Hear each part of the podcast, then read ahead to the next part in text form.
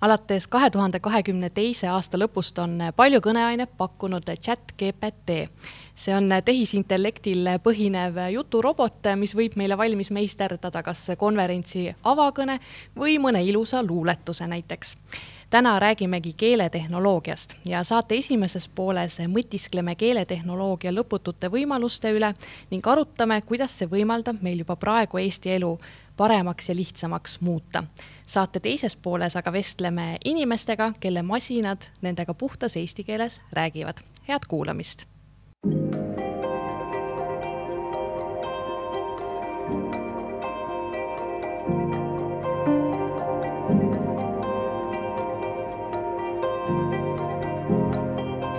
meie tänane esimene saatekülaline on Eesti Keele Instituudi keeletehnoloogia kompetentsikeskuse juht Kadri Vare ja meie tänane saade on pühendatud keeletehnoloogiale.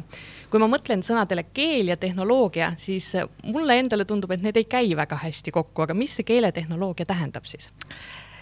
No laiemalt äh, võttes tähendab keeletehnoloogia tegelikult seda, et me saaksime kõikide oma tänapäevaste igapäevaseadmetega suhelda oma loomulikus äh, emakeeles, meie puhul siis äh, eesti keeles.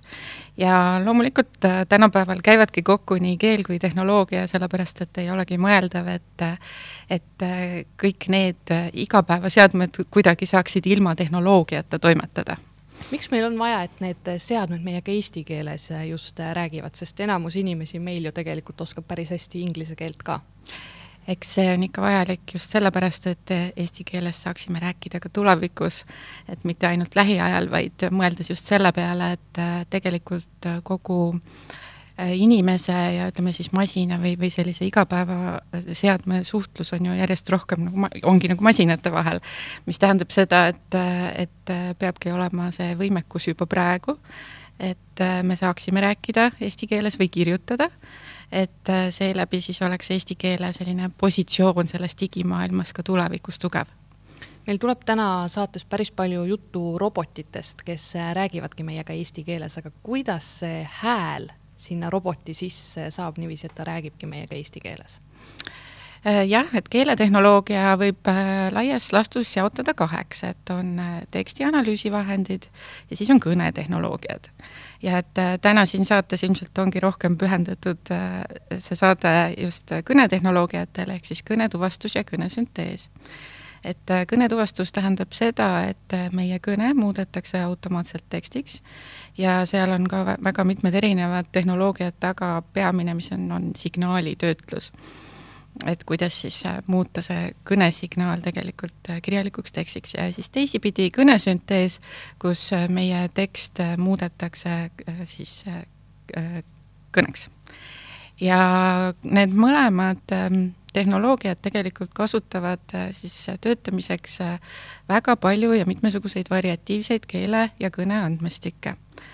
et äh, ei saaks olla kõnetuvastust ega kõnesünteesi, kui meil ei oleks selle jaoks kogutud väga-väga palju erinevat sorti kõne- ja keelematerjali ehk siis enne, et need asjad reaalselt töösse läheks, on siis vaja tohutult eeltööd ja andmestikke koguda? jah, ja mitte ainult neid andmestikke ka koguda, vaid neid tuleb ka vastavalt töödelda, märgendada, tänapäeval ka juba suuri keelemudeleid treenida, ehm, noh, vanasti olid need meetodid veidi teised, olid reeglipõhilised ja statistilised.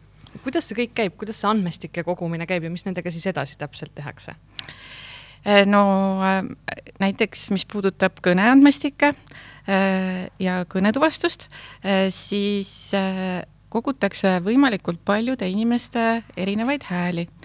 ja mitte siis ainult selliseid hääli, nagu me räägime siin ilusasti stuudios, vaid tegelikult ongi oluline, et need kõnenäidised tuleksid väga mitmetest keskkondadest ja väga eriilmelistelt kõnelejatelt, meestelt, naistelt, mürastes keskkondades, natukene paremates keskkondades, ideaalis oleks hästi palju sellist spontaanset või loomulikku vestlust ja dialoogi. ehk et arvuti õpiks tegelikult tundma seda, et neid kõiki erinevaid hääli ja erinevaid kontekste ja siis sealt tegelikult need õiged sõnad suutma üles kirjutada ehk siis see, kui ma lihtsalt loen paberi pealt teksti maha, ei ole tema jaoks see kõige või selle tehnika jaoks kõige parem variant? ja jällegi oleneb, et, et see kindlasti sobib paremini kõnesünteesi jaoks, ehk et see, kui, kui tehakse siis tekstist kõne.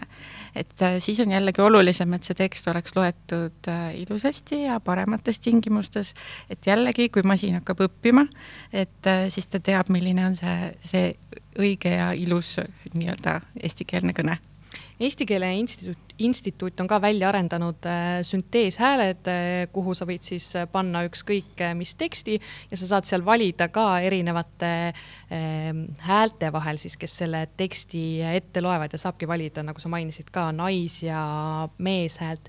ja näiteks seal on Eeva ja Tõnu, ma vaatasin, kas need Eeva ja Tõnu on päris inimesed?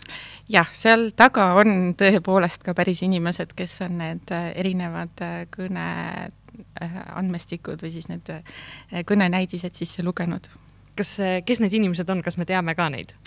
ma arvan, et te teate küll neid inimesi jah, et need on siiski näitlejad. Aga kas sa nende nimesid ei taha öelda, et siis järgmine kord, kui me kuuleme, et siis me kohe saame mõelda, et on küll tema häälega, jah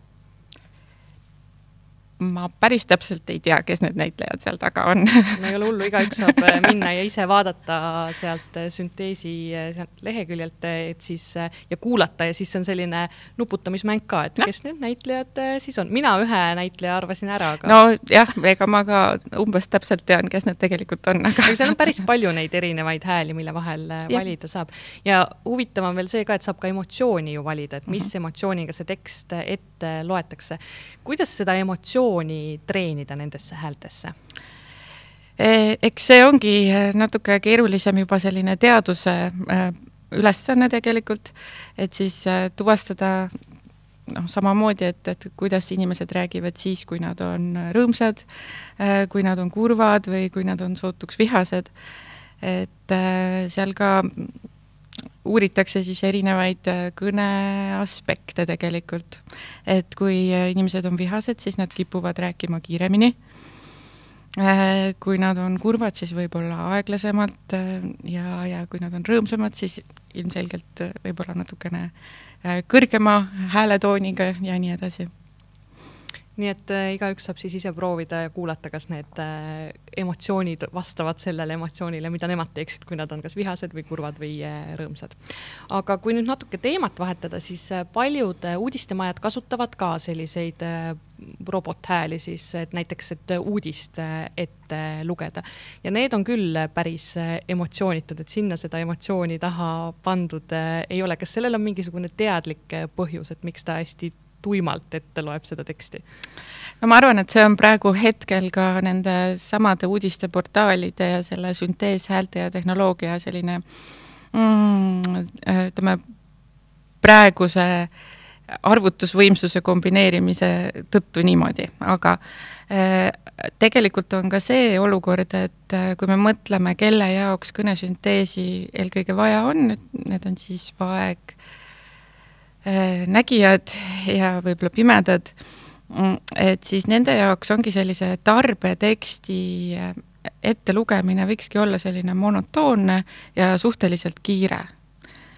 et äh, ka see võib üks põhjus olla. aga kas kasutajad ise ka kuidagi tagasisidet annavad, et millist teksti nad tahaksid, et neile ette loetakse või et milliselt, kuidas see kõlama või kõlada võiks? ja just täpselt, kui me räägime jälle pimedatest ja, ja vaegnägijatest, eh, siis nende jaoks on hästi oluline, et nad saaksid selle info kiiresti kätte tegelikult. ja sellepärast ongi neil täiesti okei okay,, kui see tekst on selline monotoonne ja kiiresti ette loetud.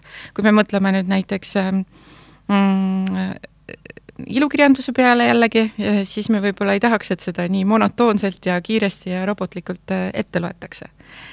et äh, siis võib-olla oleks juba seda emotsiooni rohkem vaja.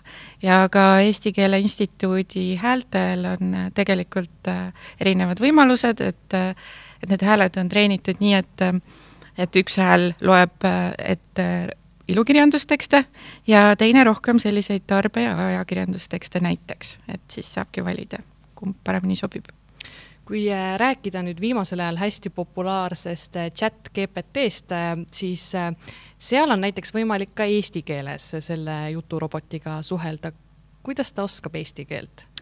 no tegelikult on chat-GPT muidugi üks selline suur, kena, efektne demokeskkond tavakasutajale. seal taga jooksevad väga-väga suure materjali peal treenitud äh, keelemudelid. ja need keelemudelid iseenesest ei ole midagi uut keeletehnoloogias, neid on juba tehtud mõnda aega. aga siis see chat-GTP on tehtud selliseks juturoboti demoversiooniks. kuidas ta õppis ära eesti keele? Äh, tegelikult päris juhuslikult. Äh, sest et chat-GTP on treenitud teadaolevalt kogu siis internetikeele peal ja sinna sisse on tegelikult sattunud natukene ka eesti keelt, aga seda eesti keelt on seal umbes null koma null üks protsenti. ma ise olen äh, proovinud äh, kasutada ka seda, et noh, lihtsalt huvi pärast, et kui hästi ta oskab ja minu meelest päris hästi tegelikult äh, ta suhtleb minuga eesti keeles, et tal ei ole väga ju mingeid grammatikavigu äh,. lipsavad sisse ka grammatikavead, jah aga jah, ütleme selliseid lihtsamaid äh, tekste tegelikult suudab ta väga ilusate ja ladusate lausetega genereerida aga kasutajana tuleb ikkagi olla väga kriitiline selle teksti osas, sest et sinna satub sisse ka väga palju veidrusi, et äh, testisime isegi näiteks meie enda tehtud äh, ärinimede kontrollijaga, et, et kuidas siis meie tehtud ärinimede kontrollija töötab ja kuidas chat-GTP soo-, soovitab ärinimesid. ja, ja seal ta küll lubas igasuguseid kolesõnu panna äh, näiteks ettevõtte nimeks seal on äh, veel selline asi ka, et kui ta näiteks ei tea mingit vastust või isegi ütleb midagi valesti, siis teda saab tegelikult ju parandada ka ja see vist on üsna hea asi, mida teha, et siis järgmine kord ta vist oskab juba paremini. jaa, niimoodi võiks see olla, et praegu kõik tavakasutajad justkui annavad enesele teadmata selle panuse chat-GTP kvaliteedi tõstmiseks nii et seda võib ka siis meelelahutusena kasutada? võib meelelahutusena kasutada, aga ikka jätkuvalt äh, panen südamele, et äh, tuleb kontrollida neid fakte. et üks lõbus lugu oli veel see, et äh, palusime päris alguses kirjutada ühe referaadi suitsupääsukese kohta ja ChatGTP ütles meile kenasti, et suitsupääsuke teeb suitsukana häält no siis jah, ikka sada protsenti usaldada ei, ei saa, aga eks see kehtib inimeste puhul ka, et alati ei tasu võib-olla uskuda, mida sulle räägitakse, nii et ega robotidki selles osas paremad ei, ei ole. aga kui üks teema on see, et robot räägib robot või arvuti siis räägib meile vastu, siis teine teema on see, et kuidas ta üldse meist aru saab, kuidas kõnetuvastus töötab? Jah, kõnetuvastus töötab tulebki nii, nagu ma ka juba siin alguses natukene mainisin, et et äh, suurte keeleandmestike või siis kõneldud tekstide peal treenitakse jällegi keelemudel. täpselt samasugune, nagu on ka sellel chat GTP-l taga.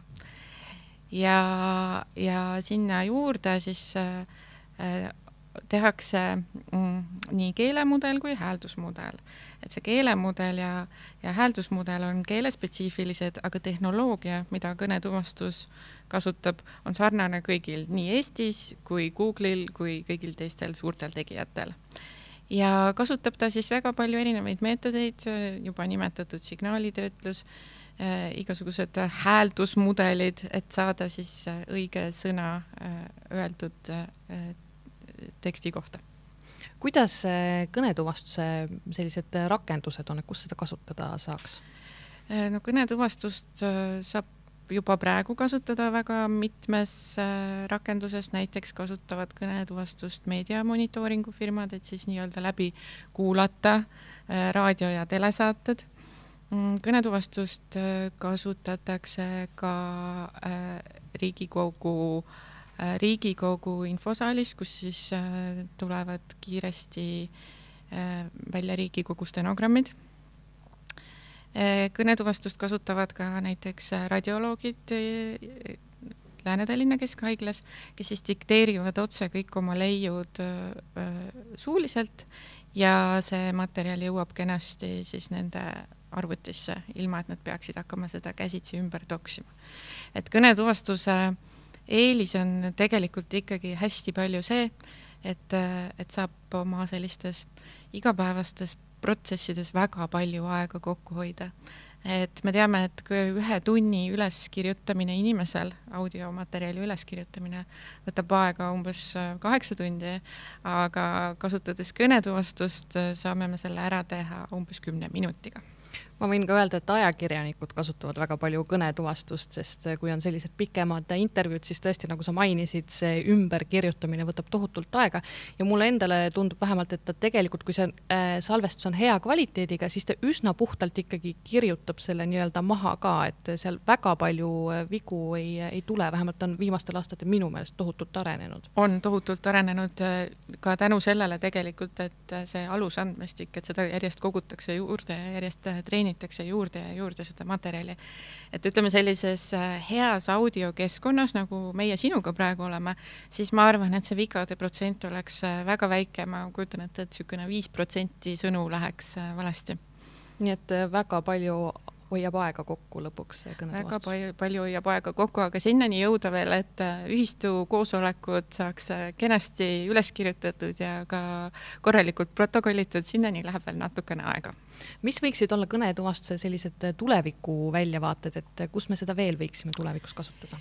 ma arvan, et kõige sellisem lähituleviku vaates kõige olulisem projekt ongi riigi vestlusrobot Bürokraat Äh, mis praegu võimaldab juba mõnes asutuses äh, kirjutada ja suhelda siis selle vestlusrobotiga kirjalikult, aga tulevikus peaksime me jõudma sinnani, et me saaksime temaga suhelda äh, siis suuliselt ja eesti keeles, mis tähendab seda, et meie küsime, sellest tehakse mingisugune tekstifail, millest ka bürokraat aru saab ja oskab mõistlikult siis vastata nende samade sünteeshäältega aga kui me tänapäeval äh, kasutame selliseid kõnetuvastusseadmeid, siis meie juttu sageli lipsab päris palju inglisekeelseid äh, väljendeid. et kuidas see kõnetuvastus nendest äh, aru saab? Jah, ähm, ta nendest võib-olla väga hästi aru ei saa veel, aga tundub, et see on tõepoolest selline teema, mis järjest rohkem sisse tuleb, eriti kui me mõtleme tänapäeva noori, kes räägivad äh, ju ka väga palju inglisekeelsete sõnade ja lühenditega, millest äh, ausalt öeldes ise ka kõigest aru ei saa. Aga praegu on see lahendus niimoodi, et, äh, et kõnetuvastus saab väga hästi aru keelest, et ta tuvastab ära keeled Mm, ja sellisel juhul, kui ta tuvastab, et sinna juttu tuleb sisse inglisekeelne väljend, siis ta jätab selle lihtsalt üles kirjutamata. et siis jääb selline tühi, tühi jääb, koht sinna teksti sisse? tühi koht äh, teksti sisse jah, jah, aga kindlasti on see teema, millega kõnetuvastusega tegelevad teadlased on viimasel ajal ka tegelema hakanud no minul on olnud niiviisi, et äh, ta püüab sellest teha sellise eestikeelse sõna, mida sageli ei ole olemas ja siis on paras paras vaev nuputada, et mis see sõna tegelikult oli, et siis saab üle kuulata, aga see pakub jällegi väga palju äh, nalja sageli, et väga lõbusalt on need äh, sõnad tulnud sinna. aga kui, kui me räägime natuke veel sel teemal, siis Eesti Keele Instituut on ju kaasa aidanud ka Rahvusringhäälingul automaatsete subtiitrite loomisele. kuidas see käib? Alustuseks ma tahaksin öelda, et see on üks erakordne projekt tegelikult, sest et arvestades eesti keele väiksust äh, selline projekt üldse nagu ellu viidud lõpuks sai. ja ka väga pikaajaline projekt, kus osalesid väga-väga mitmed osapooled. ja teadaolevalt äh, siin meie lähinaabritel sellist äh, lahendust ei ole.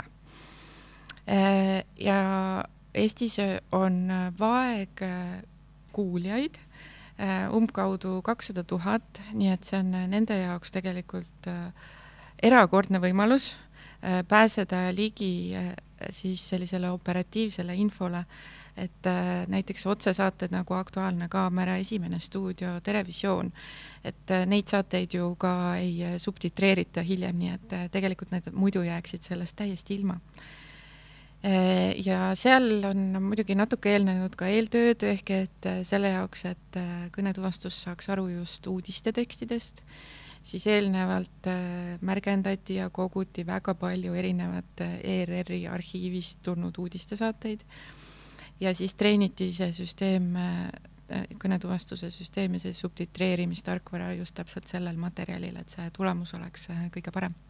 kui hea see tulemus on? See tulemus on praegu umbkaudu seal kaheksakümne kaheksa protsendi juures, see tähendab seda et, et kaksteist protsenti lipsab sisse ka vigu noh, needsamad mainitud ähm, erinevate keelte äh, väljendid, mis sisse tulevad ja kõige rohkem tekib vigu muidugi päris nimedega. nimedega, inimeste nimedega, kohanimedega, sest et need on tihti kõnetuvastuse jaoks täiesti uued. On see mõnes mõttes paratamatus ka, et seda ei olegi lõpuni võimalik välja treenida? Ähm, arvestades, kuidas tehnoloogia areng tänapäeval edasi liigub, et me põhimõtteliselt kahe nädala pärast oleme jälle mingisuguse uue ägeda asja äh, välja mõelnud, siis äh, ilmselt see kunagi lahendatakse. aga hetkel siiski on veel jah, on need nimed vast kõige suurem probleem kas äh, te olete ka kuidagi vaegkuulajatelt tagasisidet saanud nende automaatsete subtiitrite osas, kuidas nemad selle vastu võtnud on? nad on selle väga hästi vastu võtnud ja nad kasutavad seda väga-väga palju. Eh, nii et see tähendab seda, et me oleme mõelnud ka sellele, et saaksime edasi liikuda selle projektiga nii, et ka veebis oleksid need subtiitrid nähtavad, et praegu praegu on nad nähtavad ainult siis televiisori vahendusel. Ja oleme alustanud ka töö, koostööd veidikene teiste erakanalitega et ka nemad siis pakuksid seda ligipääsetavuse võimalust tegelikult subtiitrite näol äh, vaegkuuljatele. nii et varsti võib ka erakanalites siis saada? loodame väga ma arvan, et selle vestluse kokkuvõttes äh, võib öelda, et Eestis äh, tegeletakse keeletehnoloogiaga üsna jõuliselt ja tugevalt. mis siis saaks, kui me ei teeks seda? Jah, Eestis on tegeletud keeletehnoloogiaga väga sihipäraselt äh, juba peaaegu et kakskümmend aastat tagasi tegelikult äh, tuvastati see vajadus ja, ja saadi aru, et kui, kui riiklikult keeletehnoloogia arengut ei toetata, äh, siis me jääme tegelikult maha selles keeletehnoloogilises arengus ja eesti keele positsioon seal digimaailmas ei pruugi olla nii tugev. ja ja Eesti keeletehnoloogiat ongi siis toetatud täiesti läbi nende sihitud riiklike programmide, sest et eesti keele turg ilmselt on ikkagi jätkuvalt nii väike, et selliseid baastehnoloogiaid või andmestike kogumisi meil eraettevõtted ei tee. nii et jõudsalt ikka edasi? ikka. aitäh, Eesti Keele Instituudi keeletehnoloogia kompetentsikeskuse juht Kadri Vare! aitäh! Nüüd aga räägime sellest, kuidas keeletehnoloogiat pärisellu rakendada ja selleks puhuks on meile külla tulnud Anneli Kolk, neuropsühholoogia kaasprofessor ja Liisi Piits, Eesti Keele Instituudi vanemteadur ja räägime kõigepealt ühest sellisest vahvast tegelasest nagu robot Pepper. Anneli, kes on robot Pepper? robot Pepper on üks sotsiaalsetest robotitest kes äh, loodi SoftBank Roboticsi poolt juba peaaegu kümme aastat tagasi, kaks tuhat neliteist aastal. ja tema eesmärk ongi olla inimese sarnane ja osata siis suhelda inimese äh,, lähtuvalt inimese sellest kõnest, tema, tema käitumismustritest ja et rikastada siis kõigepealt seda meie keskkonda teha seda põnevamaks ja samamoodi siis nagu õpetada ka inimest masinaga suhtlema edaspidi järjest rohkem, sest see tuleb meie igapäevaellu ja kütab kirgi. Liisi, sina oled ka robot Pepperiga seotud olnud, eh, mismoodi?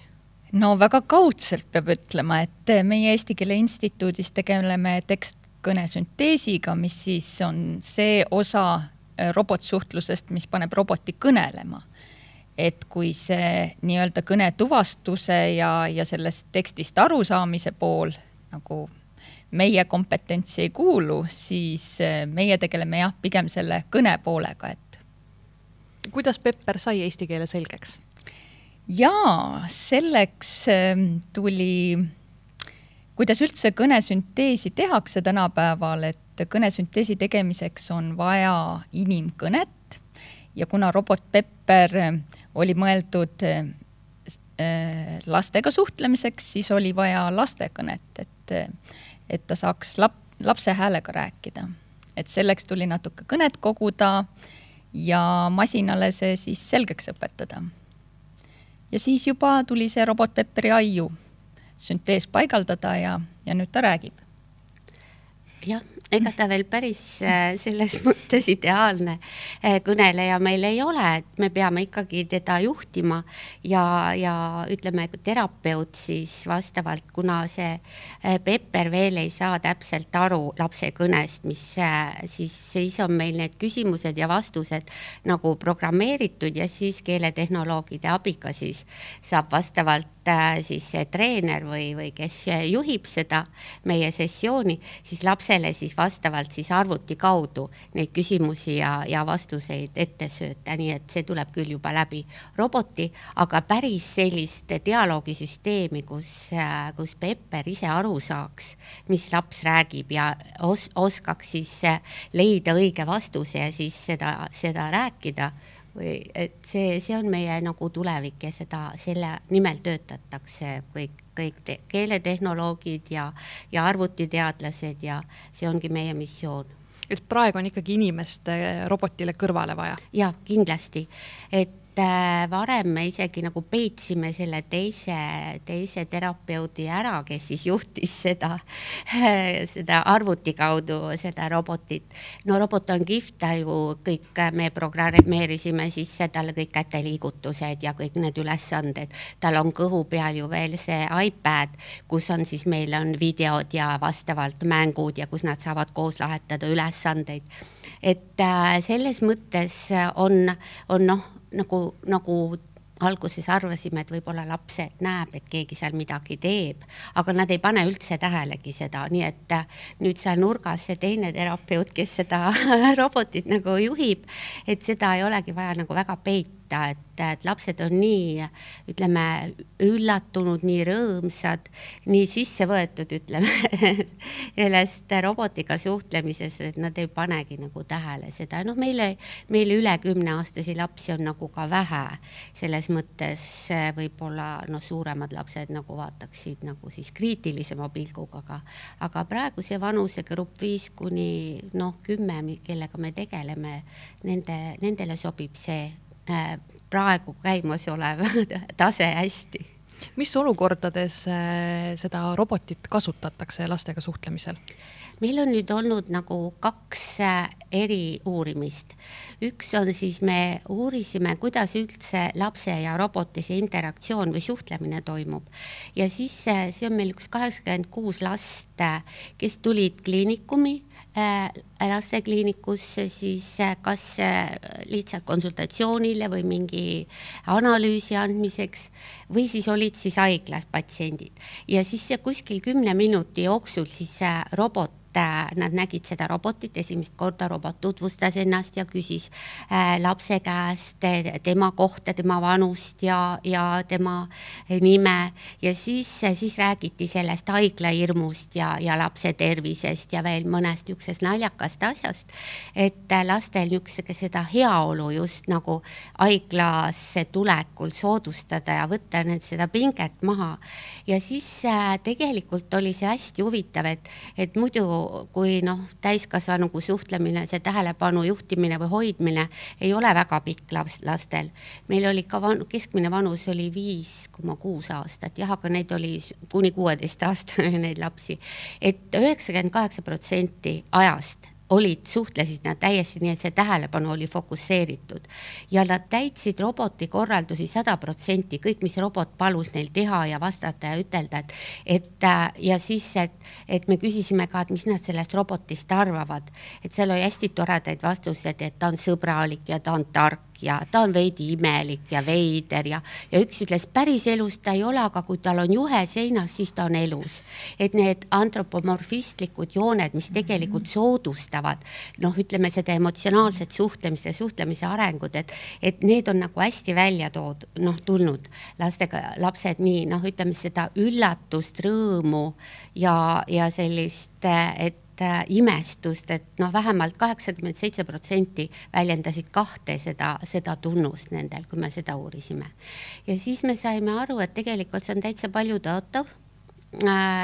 Et et see vahetu suhtlemine robotiga, meil oli väikene osa lastest ka, kes siis nagu te, tegime video sellest, et siis nad video kaudu noh, ütleme palatis või suhtlesid, et see ei olnud nii efektiivne, aga poiste ja tüdrukute hulgas oli väga-väga kihvt selline erinevus ka, et po, äh, po, tüdrukud pidasid teda targemaks ja sõbralikumaks, aga poisid nagu rohkem tehniliseks ja, ja niisuguseks antropomorfistlikumaks ja mis oli veel, kui me pärast uurisime neid äh, haiglalapsi ka, et äh, kaks korda vähem hirmutavaks pidasid robotid need lapsed, kellel oli, kes olid haiglas või kellel oli neuroloogiline diagnoos.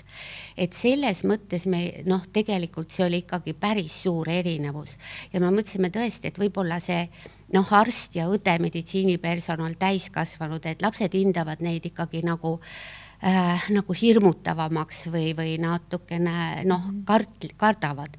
et aga need lapsed ja kellel olid need haiglakogemused ja, ja need roboti osas, et need, see robot ei olnud neile üldse nii hirmus ega ohtlik, et see oli hästi-hästi tore selline noh, nagu tulemus, mis meil välja tuli ja teine on tõesti, me oleme kolmkümmend kuus last on käinud treeningutel juba just nende sotsiaalsete, sotsiaalse kompetentsi ütleme arendamiseks, et seda sotsiaalset defitsiiti, et suhtlemisoskusi ja neid, et seda, seda nagu ei osata nagu märgata, et laps, lapsed ei tule sellega nii hästi toime. et äh, kümnel protsendil lastest, norm, normarenguga lastest ei, ei lähe see ka nii sujuvalt, sest arvatakse, et oh, et see suhtlemine, et, et küll ta tuleb, et ta peab nagu loomulikku teed minema. aga, aga on välja tulnud, et nii alati see libedalt ei lähe. ja noh, ütleme nende neuroloogilise diagnoosidega lastel, kes meil on epilepsia diagnoosid, peatraumajärgsed tikkidega lapsed, et nendel on üle viiekümne protsendi tõesti seda suhtlemisraskust, et nad, nad räägivad hästi vaikse monotoonse häälega, ei võta pilgukontakti, on sellised arglikud, no ja siis ongi, et ah, ongi imelik ja ei võtagi nagu kampa ja mm, -hmm. ja ei saagi nagu no ütleme tõesti tõrjutakse välja, et, et see on lastel, ütleme kõige, kõige, kui vanemad muretsevad, et hinnete pärast kõige rohkem et siis lapsed muretsevad selle pärast, et neil ei ole sõpru. Liisi, sina enne mainisid, et mm -hmm. robot Pepperi puhul äh, prooviti ta rääkima panna võimalikult äh, lapse moodi mm. -hmm. kuidas see õnnestus, kas ta räägib siis nagu laps? ja et see, kuidas üldse süntees seal välja tuleb, et see mm, tuleb nagu mitmetest faktoritest või sõltub et üks on see, et kelle häälest see tehtud on, et meil on ikkagi tänapäevaste sünteeshäälte jaoks vaja inimesi, inim-, inimene tuleb stuudiosse, loeb teksti. Äh, ja sellest siis masin, selle materjali pealt äh, tekib kõne ja tekib tekst ja selle pealt masin õpib. See on üks võim-, või tähendab, üks faktor on see, et kellest see hääl tehakse, et lapse hääled tuleb teha ikkagi lastest. et laps peab seda teksti lugema? jah, et see hääl, millega Pepper räägib, et see on tehtud ühe üheksa-aastase koolipoisi häälest e,. siis teine faktor on see, et mis sünteesimeetodit kasutatakse, et tänapäeval on igasuguseid meetodeid ja seal ütleme nii, et mõned hääled kõlavad loomulikumalt, mõned natuke tehislikumalt. Et äh, robot Pepper räägib sellise võib-olla natuke robotlikuma häälega. ja, ja see ilmselt sobibki robotile, et äh, on tehtud erinevaid uurimusi, kus äh, tegelikult on leitud, et see, millise häälega masin räägib, peaks nagu sõltuma sellest masinast ka, et kuigi robot Pepper on ka humanoidrobot, on ta selline siiski äh, tal on küll käed ja pea, aga ta on selline plastikust, on teisi humanoidroboteid ka, mis näevad välja täpselt nagu meie, roosa nahk, et võib-olla kui oleks selline äh, robot, siis võib-olla ootaksime, et ta räägiks äh, võib-olla inimlikumal moel, et selline mitte väga tehislikult, et ei tekiks sellist kummastusefekti, aga robotilt me just nagu äh, sellisel, ootamegi Pepperi-suguselt robotilt võib-olla natuke tehislikumat häält Anneli, kuidas lastele meeldib selline tehislik hääl roboti puhul? jaa, tegelikult nad täiesti noh, on, on vaimustuses sellest robotist, esi-, need lapsed ka, kes on sellised tõrgestrotslikud ja ei taha muidu nagu üldse suhelda ja tuppa tulla, siis ohoh, et oi, tere, sõber! Ja, ja see neid absoluutselt ei häiri, ma arvan, et võib-olla see on isegi väike pluss, sest siis see, see ei ole nii väga täiskasvanu või ütleme nagu inimese moodi, et on ikkagi nagu nad peavad teda niisuguseks natuke poolmängu asjaks, poolsõbraks, aga, aga kellega ei teki sellist distantsi nagu täiskasvanu, võib-olla tõesti, kui tal on päris lapse hääl, et, et nagu oma sõbraga räägiks, et, et võib-olla seda, see oleks ka hästi tore, aga praegu see ei häiri absoluutselt, nii et äh, see sobib kokku ma saan aru, et ilmselt tulevikus ikkagi tahetakse, et äh, robotid räägivad meiega ka üsna inimlikul mm -hmm. viisil, et kas selline vestluse stiilis äh, rääkima õpetamine on kuidagi teistmoodi ka? jaa, vot nüüd meil just eelmine aasta oligi mm, üks suur projekt, arendusgrandi saime Eesti Keele Instituudis, kus me üritasime hoopis teisel meetodil sünteeshäält luua et kui siiani me oleme sünteeshäält teinud loetud kõnest, mis tähendab, et meil on kõigepealt tekst ja siis tuleb inimene, loeb selle teksti ette või me kasutame ka audioraamatuid.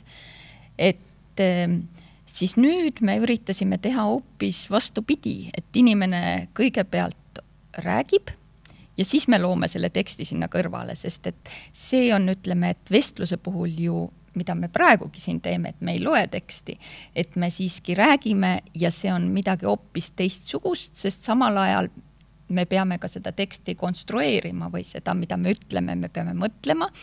ja siis tekivad igasugused sellisele suulisele kõnele iseloomulikud asjad kõnesse, igasugune eetamine mm,, sellised on väga loomulikud.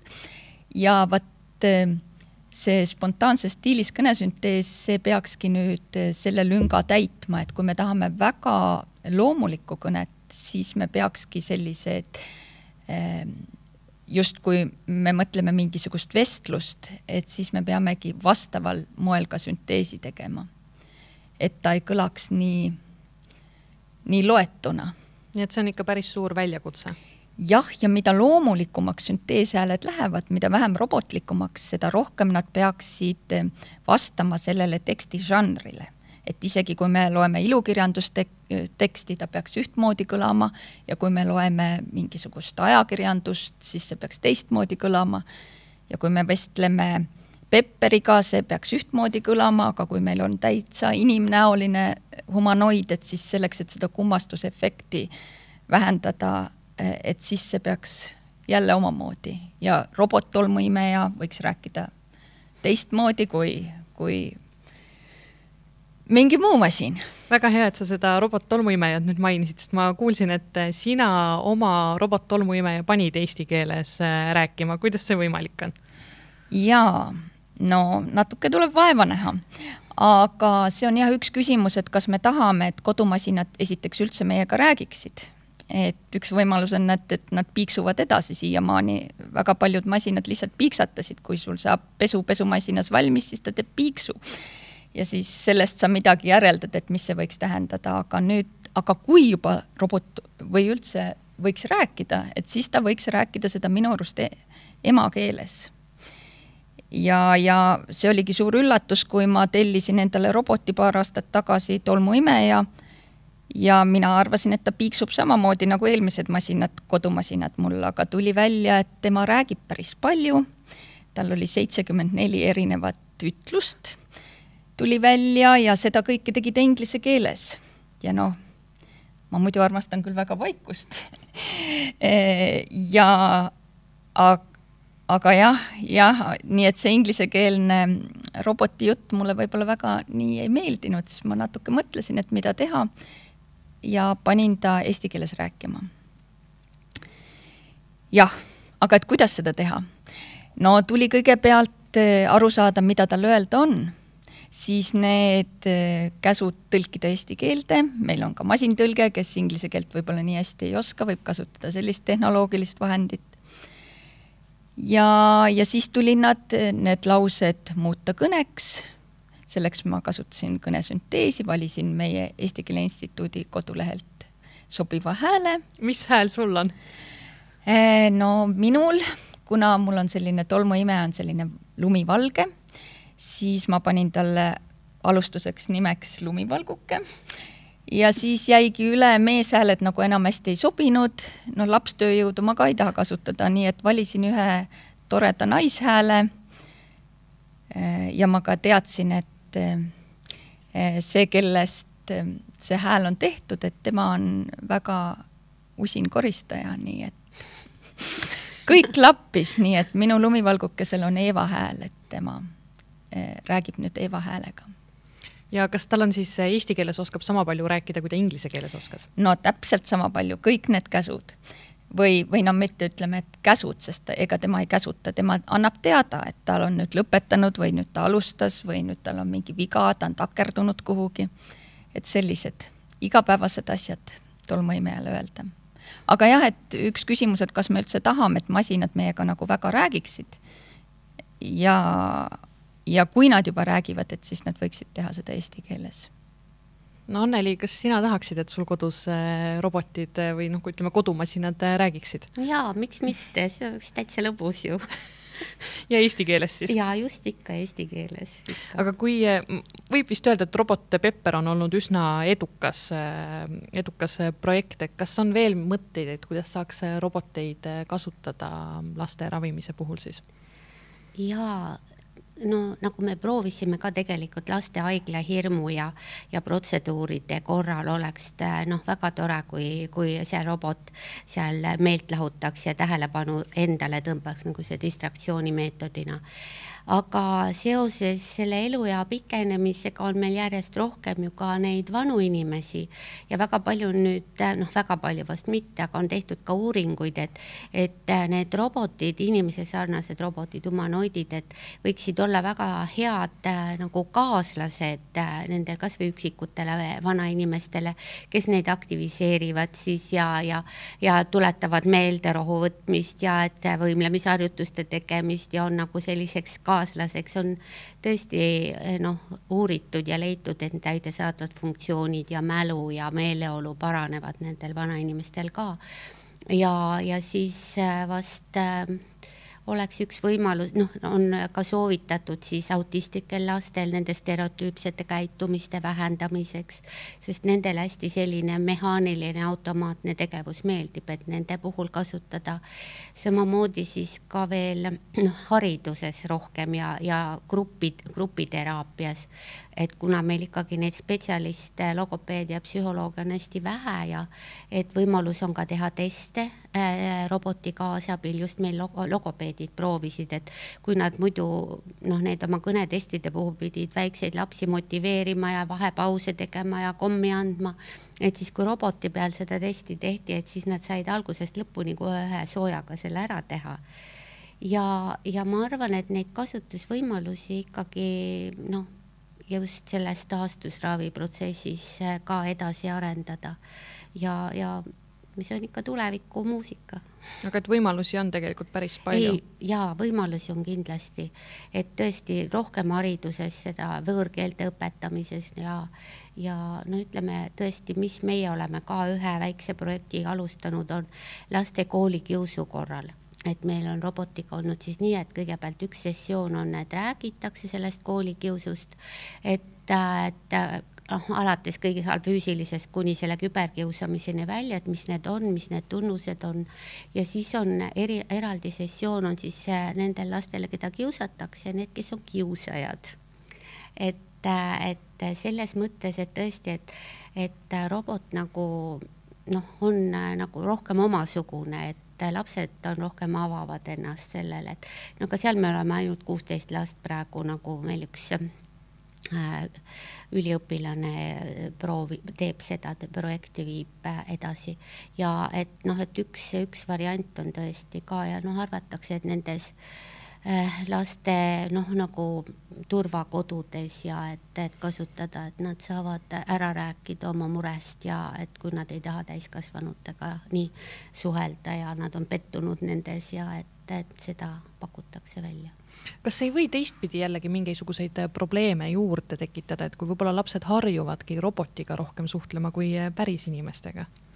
tegelikult on ikkagi uuritud ja leitud, et need oskused noh, selles turvalises, niinimetatud turvalises keskkonnas, kus ta võib vigu teha ja nalja teha selle robotiga, et need oskused äh, ta omandab ja, ja vanemate, ütleme meie enda tagasiside uuringutes on ka, et nad on suhtlemises julgemad Äh, nad, nende see sõnavara on, äh, ütleme, suhtlemissõnavara, emotsionaalne sõnavara, see, see on paranenud, konflikti lahendamise oskus on paranenud. et noh, need sessioonid on, ütleme, kolmkümmend viis, nelikümmend viis minutit Äh, meil on praegu kaheksa sellist sessiooni, et, et selle ajaga ma ei usu, et, et see nii väga ära harjub. Ja, no tegelikult lastele meeldib uus tehnoloogia.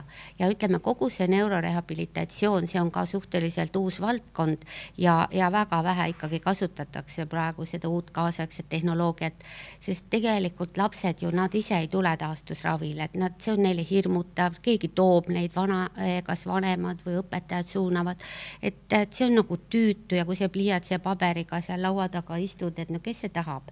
aga meil on tõesti see motivatsioon, ütleme see ravisoostumus sada protsenti olnud, et lapsed pärast veel küsivad, et millal ma jälle tulen robotiga rääkima. et lausa ootavad seda järgmist ja, visiiti. ja see, see oli nii tore, kui üks laps esimest korda nägi ja pärast ütles, ja tahad ka sõber Liisi, aga sina enda kodumasina panid eesti keeles rääkima, kas see võiks olla selline tulevikumuusika, et ühel hetkel me ostamegi poest kodumasinaid, mis oskavadki suhelda meiega meiega meie omas keeles ja see võiks olla isegi olevikumuusika, et kõik võimalused selleks on juba loodud, et keeletehnoloogilised vahendid on olemas. nüüd oleks vaja lihtsalt nagu seda tahet.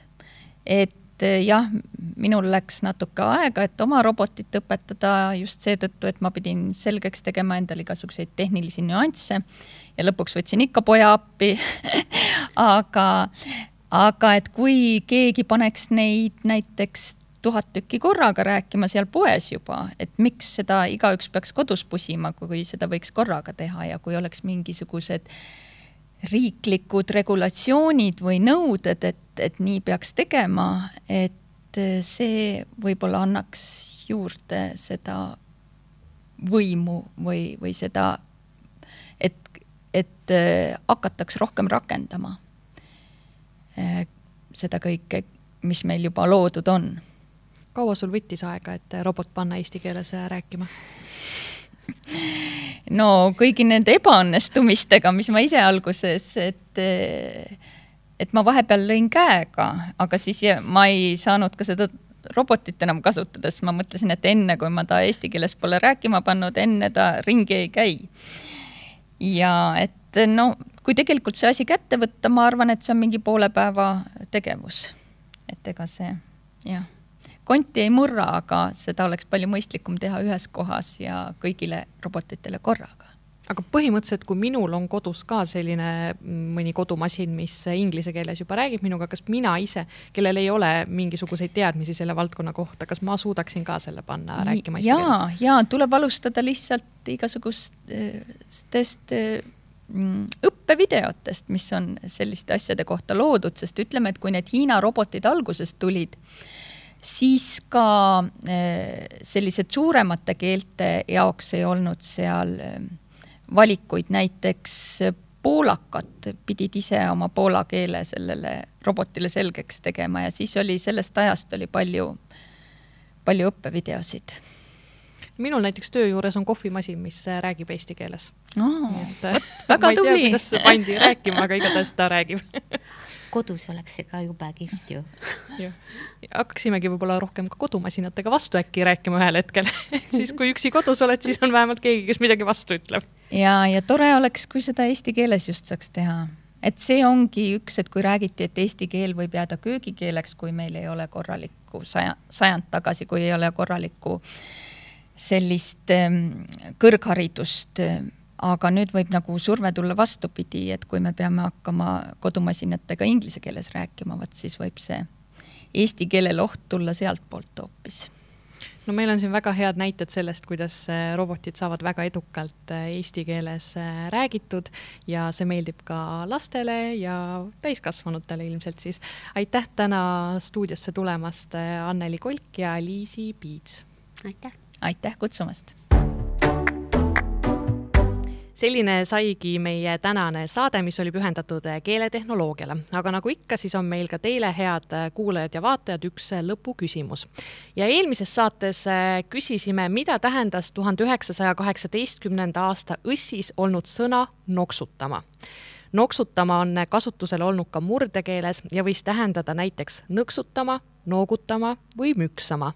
samas mõnel pool on noksutama tähendanud ka pilkama või norima. aga tänane küsimus tuleb selline kasutasime küsimuse loomisel ilmselt maailma kõige kuulsamat masintõlke tööriista Google Translate'i ja võtsime ühe Eesti vanasõna ja tõlkisime seda kümnetesse eri keeltesse ja seejärel tõlkisime selle tagasi eesti keelde. ja see automaattõlgitud vanasõna kõlab nii. ära nüüd jaki näkku vaata. millise Eesti vanasõna võiks selle tagant leida? Vastata saate nagu ikka meie Facebooki lehel ja võitjatega võtame juba ise ühendust. aitäh vaatamast ja kuulamast ning kohtume järgmises saates